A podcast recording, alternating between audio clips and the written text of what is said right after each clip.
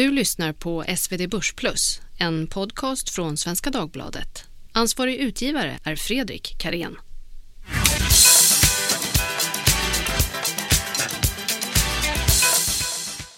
Hej och varmt välkommen till podcasten Svenska Dagbladet Börsplus avsnitt 13. Och det här blir ett litet eh, specialavsnitt, eh, ett julavsnitt. Jag heter Mikaela Idmark och driver med ett antal kollegor analystjänsten Svenska Dagbladet Börsplus. Och eh, idag har jag med mig Daniel och Peter. Välkomna. Hallå, hallå. Hej, hej. Hej. Hur är det med er? Bra. Mycket bra. Eh, nu är det innan jul när vi spelar in. Precis. Och man har lite julpanik och eh, så, bland annat. Eh, vi släpper ju dagligen analyser till våra prenumeranter och vissa analyser finns fritt tillgängliga för alla som vill på Svenska Dagbladet eh, under Näringsflik och sen Börsplus. Den här podcasten har vi som ett komplement till analystjänsten där vi har lite utrymme att diskutera kring våra analyser och annat som vi kommer på. Och idag har vi sagt att vi ska prata lite om en julklapp som vi har till alla lyssnare och läsare. Eh, för vi har gjort en liten utdelningsportfölj som vi ska tala om.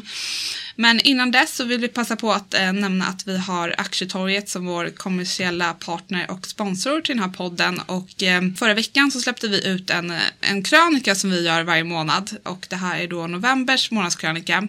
Där vi skrev lite om den noteringsflod som har varit senaste tiden. Och där uppmärksammade vi en undersökning som Industrifonden har gjort för life science-bolag som har noterat sig på de olika börserna under året. Och där uppmärksammade vi att eh, mer än 50% av de bolagen som har noterat sig på First North har backat sedan sin IPO.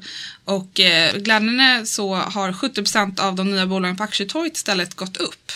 Det är lite kul. Kul, lite oväntat om jag ska vara helt ärlig. Det är ju eh, svårt att förstå varför det är så riktigt. Mm. Det, Daniel, har du någon fundering på det? Nej, jag vet inte det, vad jag ska säga om det. Nej. ja, vet inte. Det är en, en faktor kan ju vara att det är en, en, en värderings och prisfråga. Så kan det vara. Att det är lite andra prissättningsparametrar så att säga. Mm. Men, men det är ju intressant att se i varje fall. Mm. Ja, det är roligt.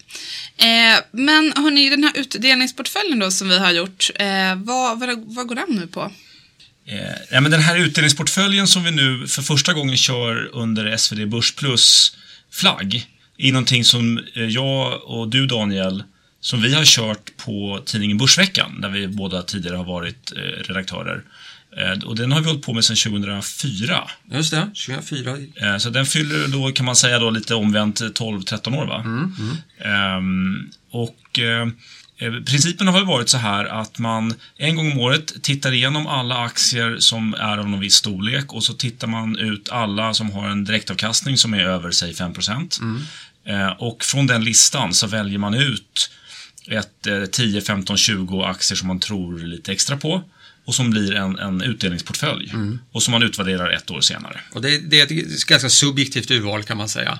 Ja. In, in, inom den här gruppen högavkastare. Då. Mm. Så först en hård screening, om man säger så. Vilka som ska vara på, på bruttolistan och sen så gör vi ett subjektivt urval från den här bruttolistan. Och, och vi har gjort den sedan 2004 och det har varit ganska intressant att se för det har ju varierat väldigt mycket. Dels hur de här listorna ser ut, hur lång är bruttolistan. Mm. Ibland är den superkort, ibland är den ganska lång eh, beroende på börsvärderingen generellt kan man Ja, säga. visst. Och sen också vad det är för typ av bolag som ligger där. Ja. Ehm, Precis, och, och den här gången, eftersom det är 2017 nästa år, så har vi valt ut 17 som vi kommer att skriva mer om i, i den eh, artikeln som går ut till våra prenumeranter. just det. Eh, och även för andra kanske så småningom. Eh, men här tänkte vi prata om några av dem och vi har hittat många konsumentbolag som, som faller in under, under våra kriterier. Ja, Vilka är det? Vi har eh, av de här 17 så är fyra stycken som är konsumentbolag då. Eh, Ett är ett danskt bolag som heter Scandinavian Tobacco Group. För att det vi har gjort här är att vi har valt eh, över hela Norden. Eh, Så totalt är det 65 stycken bolag som, uppfyller det här 5 kriteriet för övrigt. Men ett av de här är det här Scandinavian Tobacco Group som alltså är en avknoppning från Swedish Match. Och sen så har vi med eh, MTG, Betsson och eh, Dustin. Nej, Nej, en liten annan dansk som heter Matas. just det, det är det. eh, Som, som säljer hårvårdsprodukter och Just annat. Vi, vi, och det ska vi väl säga, vi har inte djupdykt i de här, utan det här är ganska mycket en, en bredare bedömning om man ska skriva det som en portfölj, så att säga. Men, men eh, det här är bolag som kanske har P tal runt eh, 11-12. eh, Ett antal av dem har, har klart under 10 också. Eh, och sen så direktavkastningar då mellan 5 och 7 procent, säger vi. Mm, precis. Eh, Men så att det är fyra konsumentbolag. Eh, Gemensamt är väl att det är ju eh, lite utsatta saker som tv-tittande, cigarrrökning eh, och, och allmänt konkurrensutsatt som eh, Betssons spel och, och Matas såna här hårvårdsprodukter och sånt. Ja, precis. Vi har också en del bank. Eh, just det, tre bankaktier. Sparebank 1, Swedbank och sen Resurs. Så det är tre ganska olika banker. En svensk storbank, en svensk nischbank och sen en sån här liten norsk. Eh, Och det här är ju, banker brukar ju ofta förekomma på de här listorna eftersom de är obligationsliknande aktier eh, som delar ut väldigt mycket av sin vinst så de kvalar in på det här 5% kravet ganska ledigt. Eh, Så jag tror det fanns flera banker som vi valde mellan här. Och förutom bankaktier har vi några fastighetsaktier också. Fastighetsbolag brukar också vara sådana som, som kommer in här. Nu är det ju färre än det brukar vara för att fastighetsaktierna har värderats upp så fasligt. Eh, så att, men några finns det med. Ett finskt bolag som heter Citycon eh, och sen har vi Hemfosa. Så de två finns med på listan.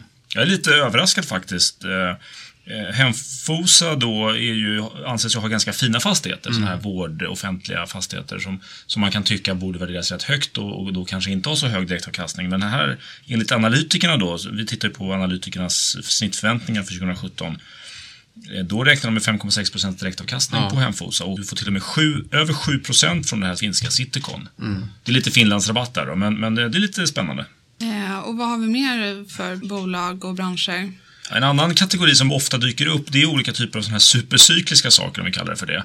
Eh, och I år så på bruttolistan fanns en hel del såna här oljeservicebolag, rederier. Eh, eh, ingen av dem valde vi dock. Däremot så tog vi två stycken lax, laxproducenter som också klassar in i det här väldigt cykliska. Ja. Och vilka är det? Eh, vi tog de två minsta som ändå inte är så himla små. De har börsvärden på runt 20-25 miljarder. Men det är Austevoll Seafood och Leröy Seafood. Eh, Det finns fyra stycken eh, stora eller halvstora norska laxproducenter som, som kvalar in på vår lista. Så det är en ganska stor sektor i Norge. Eh, och de här handlas på P8-9 och direktavkastningar 5-6 procent. Och det är som sagt cykliskt och det är jättesvårt att veta. Lax kanske blir jättebilligt nästa år och då, då eh, blir det här inte lika bra. Men, men, eh, men eh, som en del av en portfölj så blir det kul. Ja. Men är tanken då att man ska, man ska kopiera här och köpa 17, de här 17? Alltså med vår börsplusportfölj så brukar vi säga att man absolut inte ska kopiera. Exakt. Eh, Men jag kan känna med, med 12 år i ryggen med den här portföljen att den här borde man nästan, det kan jag känna själv, att den här borde man ju faktiskt ta och kopiera ibland. Det är ju en bra portfölj i den meningen att den kräver inte så himla mycket handpåläggning. Konceptet är ju att man, man köper de här aktierna en gång eh, och sen väntar man ett år och sen tittar man eh, om de uppfyller de här kriterierna eller, eller om man ska byta ut mot andra. Så att, men, tanken är inte att man ska hålla på och byta och vara superaktiv. Tittar man på hur den, hur den här eh, strategin funkar under den här tiden som vi höll på med det här eh, på våra Börsvecka Nord då, så, så snittavkastningen från 2004 till 2015, vilket jag har siffror på här, den var 28 procent årligen. Och index var 12 procent. Så att det, det var ju väsentligt bättre än index. Ja, och det är fantastiskt. Så att liksom, det, och det handlar om, mer om strategin än att vi har just råkat hitta de tio bästa aktierna, eller vad man ska säga. Eh, sen kanske vi inte har misslyckats med det heller då, kanske riktigt. Men, men det, är, det, är en, det är inte så dum strategi helt enkelt. Alltså, ska man vara lite grov så är det ju två typer av bolag, eller det finns flera, men det finns ju två stora grupper på en sån här bruttolista. Det finns, finns det ju värdefällor, alltså bolag som, som där vinsterna liksom inte kommer motsvara förväntningarna och därför är de billiga. Eller för att de är dåliga av andra skäl, balansräkningen trasig eller något sånt där. Men sen finns det ju undervärderade bolag som är hatade av något skäl eller annat. Och, och, och det är ju hela den här Dogs of the Dow-strategin lite grann också, att man köper stora hatade bolag eh, som har en tendens att komma tillbaka då. Vi har ju två operatörer med i, i den här Just det. 17-listan. Apropå hatade. Ja, exakt. Telia. Var det en strategi som vi hade när vi valde ut dem? För jag vet att vi hade några fler operatörer på, på den ursprungliga listan? Ja, vi har ju, Elisa brukar vara med, det här finska bolaget. Det, de delar ut De är väldigt alltid mycket. med. Ja, de är alltid med och delar ut väldigt mycket av vinsten och så vidare. Men det är inget som vi har fastnat för direkt. Vi har med Telenor också, Mm. norrmännen. Ehm, Och på bruttolistan var vi även Tele2 med, som Ja, är en sån här notorisk högutdelare. Ja, Men de de, de, delar ju, de har ju de senaste åren delat ut klart mer än vad de tjänar. Mm. Och det tycker vi är lite så här äh, fusk. Men däremot Telia och Telenor delar ut mindre än vad de tjänar. Mm. Och det är ändå en väldigt hög direktavkastning. ja, den ligger på 5-6 procent här. Ehm, så att, eller runt Ja, 6, sex- 6, sex- procent halv snarare. Mm. Eh, Men Telia är väl det här klassiska hatade bolaget eh, som vi pratade om. Precis. Och sen så har vi ju Inwido också. Hur, hur, liksom, hur, hur kom den in? Ja, det är väl bra att ha. Alltså vi, vi är lite halvintresserade av Inwido. Inwido det är ganska lågt värderat, P10. Mm, vad gör Inwido? De, Fönster. eh, fönster tillverkar de, exakt. Och, och säljer mycket till konsument, va? Ja, jag tror det är mestadels till Ehm, konsument. Så det är mycket då byggkonjunktur och bostadspriser och räntenivåer och, och även deras egna prestationer som kommer att avgöra deras öde. Men, men eh, som en del av en portfölj så kändes det som en platsa. Ja, det är ju lite det här att den här roteffekten gör ju att siffrorna kanske ser lite sämre ut i Sverige nu då. Om man tänker sig att det där är en, en het potatis just nu, men om ett år kanske det är lite halvglömt och de kan köpa bolag och göra saker som eh, förbättrar vinstförmågan. Och då kanske man får en något bättre liksom, kurs om ett år. Det, är, väl- det, är väl, det är väl den enkla tanken här. Men, men som sagt, vi ska betona det vi har ju inte en superstark åsikt om något enskilt av de här bolagen. Utan det är just den här portföljeffekten att har man en bra bit över tio stycken så, så tar det lite grann ut varandra. För det finns ganska starka invändningar mot alla, varje enskild aktie. Eh, om man vill vara på den, det humöret. Om vi tänker oss eh, framåt nu i tiden 2017 och vad som väntar världsekonomin och så vidare. Vilka aktier tror vi är, liksom, är riskfaran av de vi har valt ut här? Ja, det är en bra fråga. Eh, en sån här som, som, som jag själv har lite aktier i sedan lång tid tillbaka och som inte varit någon höjdare på sistone, det är ju Fortum. Eh, alltså kraftbolaget. Eh, Där, där det finns ju ett scenario där elpriser bestående kommer vara sjunkande och väldigt låga. Och då sitter de med så gigantiska investeringar. Eh, och, det är svårt att veta vart ett sånt här bolag ska ta vägen. Eh, Men det finns ju jättestora tillgångar, eh, superstarka finanser. Eh, Och det kan ju också vara så att vi om ett år tror att el ska bli dyrare och dyrare hela tiden. Så att liksom, det är en sån här jokeraktie skulle jag säga. Men ändå med någon slags eh, ned, nedsideskydd i, i substansvärden och annat. Ja. Eh, vad kan man säga mer? Ja, men ränteutvecklingen och fastigheterna. Många är ju lite obligationsliknande och de här aktierna kan ju få det svårt förstås om, om, om det cykliskt hamnar i, i eh, blir det som är populärt. Jag tycker nog man skulle nästan kunna säga att, att de, nästan alla de här är mer att de har individuella utmaningar på sina marknader snarare än att det är konjunktur. Skulle jag säga. Jag menar, du, du har tv-tittandet i MTG eller eh, eh, operatörernas utmaningar eller eh, eh, så. Sen så har du räntorna kring fastigheterna. Men om vi tar Ericsson till exempel som vi också har på listan. Ja. Det är ju klassiskt. Liksom. Det är ju Det är en turnaround, Det är en turnaround. situation där. eh, också apropå hatade aktier då. då. Ja, ja. Eh, Så kanske på gång att vända ja, men lite till- grann sådär. Den är väl... ehm, Ja, man räknar med en kraftig utdelningssänkning där, men de, de är ändå på 5,4 procent i direktavkastning. mm. Eh, Så det, det är lite intressant. Eh, är det någon vi inte har pratat om nu eller? Dustin kanske? Dustin, ja. Det, Betsson har vi inte nämnt. Ja, Gjorde vi det? ja, lite vagt tror jag vi nämnde Betsson. ja, Dustin över 6 procent direktavkastning, har, en, har, har, har fått en huv, ny huvudägare här under sin tid som börsbolag i Axel Jonsson-gruppen. Eh, Det är välskött distributör av hårdvara. Eh, Jag vet inte riktigt varför de värderas så här pass lågt. Ehm, Kan det vara för att de har starka konkurrenter som Ja, kommer ikapp? Det är ju den här norska koncernen Atea eh, brukar väl också väldigt ofta vara på den här bruttolistan. Och så även i år. de delar ut väldigt mycket. De har alltså 8 procent direktavkastning. Ja, det är ganska så här trött business med låga marginaler eh, och, och med, med gott kassaflöde och höga utdelningar. Men vi valde bort Atea och, och satsa på Dustin. Det är svenskt och, och nästan lika billigt och ja, jag vet inte. Ha en huvudägare som, som liksom engagerad. Mm, det tycker det. jag är plus. Ja, ja men ehm, eh, det blir spännande att följa. Resurs tog vi in, vår nya favorit, eller ska säga, som vi har i vår portfölj nu. Ja, men vi har, vi har väl tre portföljbolag här. Vi har Resurs i Börsplus-portföljen, Swedbank är där, eh, Ericsson är där. Så... Nej, eh, Resurs kan man ju säga att den, den värderas ju klart lägre än de andra nischbankerna. Det är ju intressant och det var ju ett av skälen att vi tog in den Mm. i Börsplusportföljen. Precis. Och det var ganska nyligen, så den analysen finns ju ganska färsk att läsa. Just Vi har det. bytt ut Hoist till Research. Och några av de här tror jag vi kommer säkert ta upp och kika lite på framöver här också. Eh, Så eh, det kan man väl kanske hålla utkik efter om man är intresserad. Precis. Ja, vad tog vi bort för aktier från... eh, Vi hade ju 65 från början som blev 17. Ja, eh, vi tog bort en del av de här supercykliska namnen vet jag. Oljeservice var en del. Eh, vad var det mer? Eh, Det är en salig blandning. Eh, En annan sån här klassiker som ofta är med, typ så här HiQ.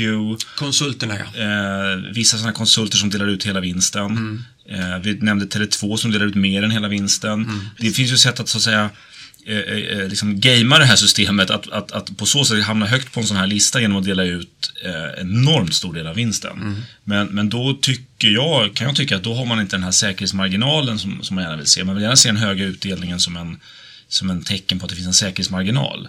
Men om den höga utdelningen består i att man delar ut 100% eller mer av vinsten, då, ja, men då finns det ingen säkerhetsmarginal.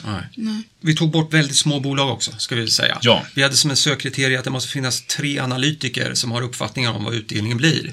Och det betyder ju att väldigt många av de här bolagen som inte har analysteknik, de kommer inte med, fast de kanske har en sån här hög direktavkastning. Då. Mm. Just det. Men de 65 som vi pratar om, de hade tre analytiker. Ja, precis. Eh, Men, det, men i den gruppen så var det ju i sin tur en stor spridning på börsvärde och vi plockade Ja. bort de som hade, som vi tyckte, ett för litet börsvärde. Ja. Så de vi har med här är, man kan säga att alla de icke-svenska har ju börsvärden långt över 10 miljarder. Ja, exakt. Så man kan säga att vi har plockat bort de riktiga småbolagen. Ja. Och sen så de, de minsta vi har med är väl typ Inwido, men det tycker vi att vi kan ganska bra och det har ändå ett börsvärde på 5 miljarder. Ja, precis. Det är Invid och Dustin som Ja, ligger runt där. Ja. Som vi tycker att vi kan då, så att säga. Mm, Eh, Men i annat, i övrigt så är det liksom rätt stora bolag. Hur ska man se på, på risknivån på portföljen? Eh, Alltså det här är eh, stora stabila bolag, men det är fortfarande ganska hög risk i dem. Man ska inte inbilla sig att det, det här är safe på något sätt. Jag vet att när vi gjorde det här förr om åren så hade vi ju, jag kommer under finanskrisen så rasade den här utdelningsportföljen lika mycket som index. Så att det fanns liksom ing- ingen gratis lunch att gömma sig här. Eh, Jag tror att två av de här, eh, vad blir det, 12 åren tror jag den har slutat med negativ avkastning. Så att, så att man ska se det som ungefär samma risk som en, vilken aktieportfölj som helst, skulle jag faktiskt säga. Jag skulle kanske känna att den är lite lägre. Alltså just för att du har ett värderingsskydd i alla de här. Eh, snittet på börsen så har du ju alltid stora sektorer som inte har något värderingsskydd. Men det är mer en, det här är inte så faktabaserat utan mer bara en känsla. Men jag tycker ändå, efter, med historik från 2004 så, så är det ändå en observation att eh, det alla gånger utom en, va, tror jag, gått bättre än index. Oj. Något sånt, ja. Något sånt. Och, och det borde ju betyda någonting. Och, och väldigt sällan har den slutat på minus. Så att, eh, ja men det kan ju vara en slump, men det är ändå ganska många mätpunkter som där slutsatsen tycker jag ändå tyder på att det är en lägre risknivå. Mm, Okej då, jag vill bara flagga för detta att i, i, i en sån här grupp också, med, med alltså där det är låga multiplar, Ja. där finns också de riktiga värdefällorna. Absolut. Så man ska vara med på att, att enskilda namn här kan halveras utan att det är något konstigt. Oh ja. Det, det, det, det kan vara viktigt att ha med sig. ja men, e- går vi ner på enskilda aktier och enskilda bolag, då är det ju ganska skräpigt. Mm, precis, det är ju själva strategin Det är här. ju skräpverksamheter. Liksom. Skicka eh, cigarrer och TV och det är ju, det är, det är declining businesses. Ehm, Men vi har ändå fått med en del olika branscher, så vi har en Ja, diversifiering. ja nej, men det är det vi klamrar oss fast vid här. Eftersom vi är så okunniga om många av de här bolagen så, så får man ju köra på lite riskspridning istället. Det som är väldigt spännande är ju när det finns lite tillväxt i det här också. För det finns ju några som Resurs till exempel växer lite grann Ja. här. Sen kan man diskutera vad den tillväxten är värd i bankvärlden, men i alla fall. Mm. Dustin, Betsson växer lite grann, MTG kanske också, vi får Mm. se. Men ehm, så, så det där är ju jätteintressant. Ja, Ja, jag tycker vi rundar av lite grann eh, där. Idag har vi ju pratat om vår utdelningsportfölj, så ni får hålla utkik eh, efter framöver här. Vill ni läsa mer analyser så går det väldigt bra att göra det som prenumerant eh, och då får ni ju alla analyser direkt i mejllådan. Eh, annars så finns mycket av våra analyser tillgängliga på vår sajt under Svenska Dagbladet, Näringsliv och sen Börsplus. Och vi släpper också upp en del till Shareville på vår vägg där. Eh, vi vill tacka Mattias Karlsson så mycket för att han hjälper oss med klippningen av den här podden och eh, ja, ska vi önska god jul här också? Gott nytt år! Gott nytt år! På återhörande här framåt 2017. Jajamän! Gott nytt år! Gott nytt!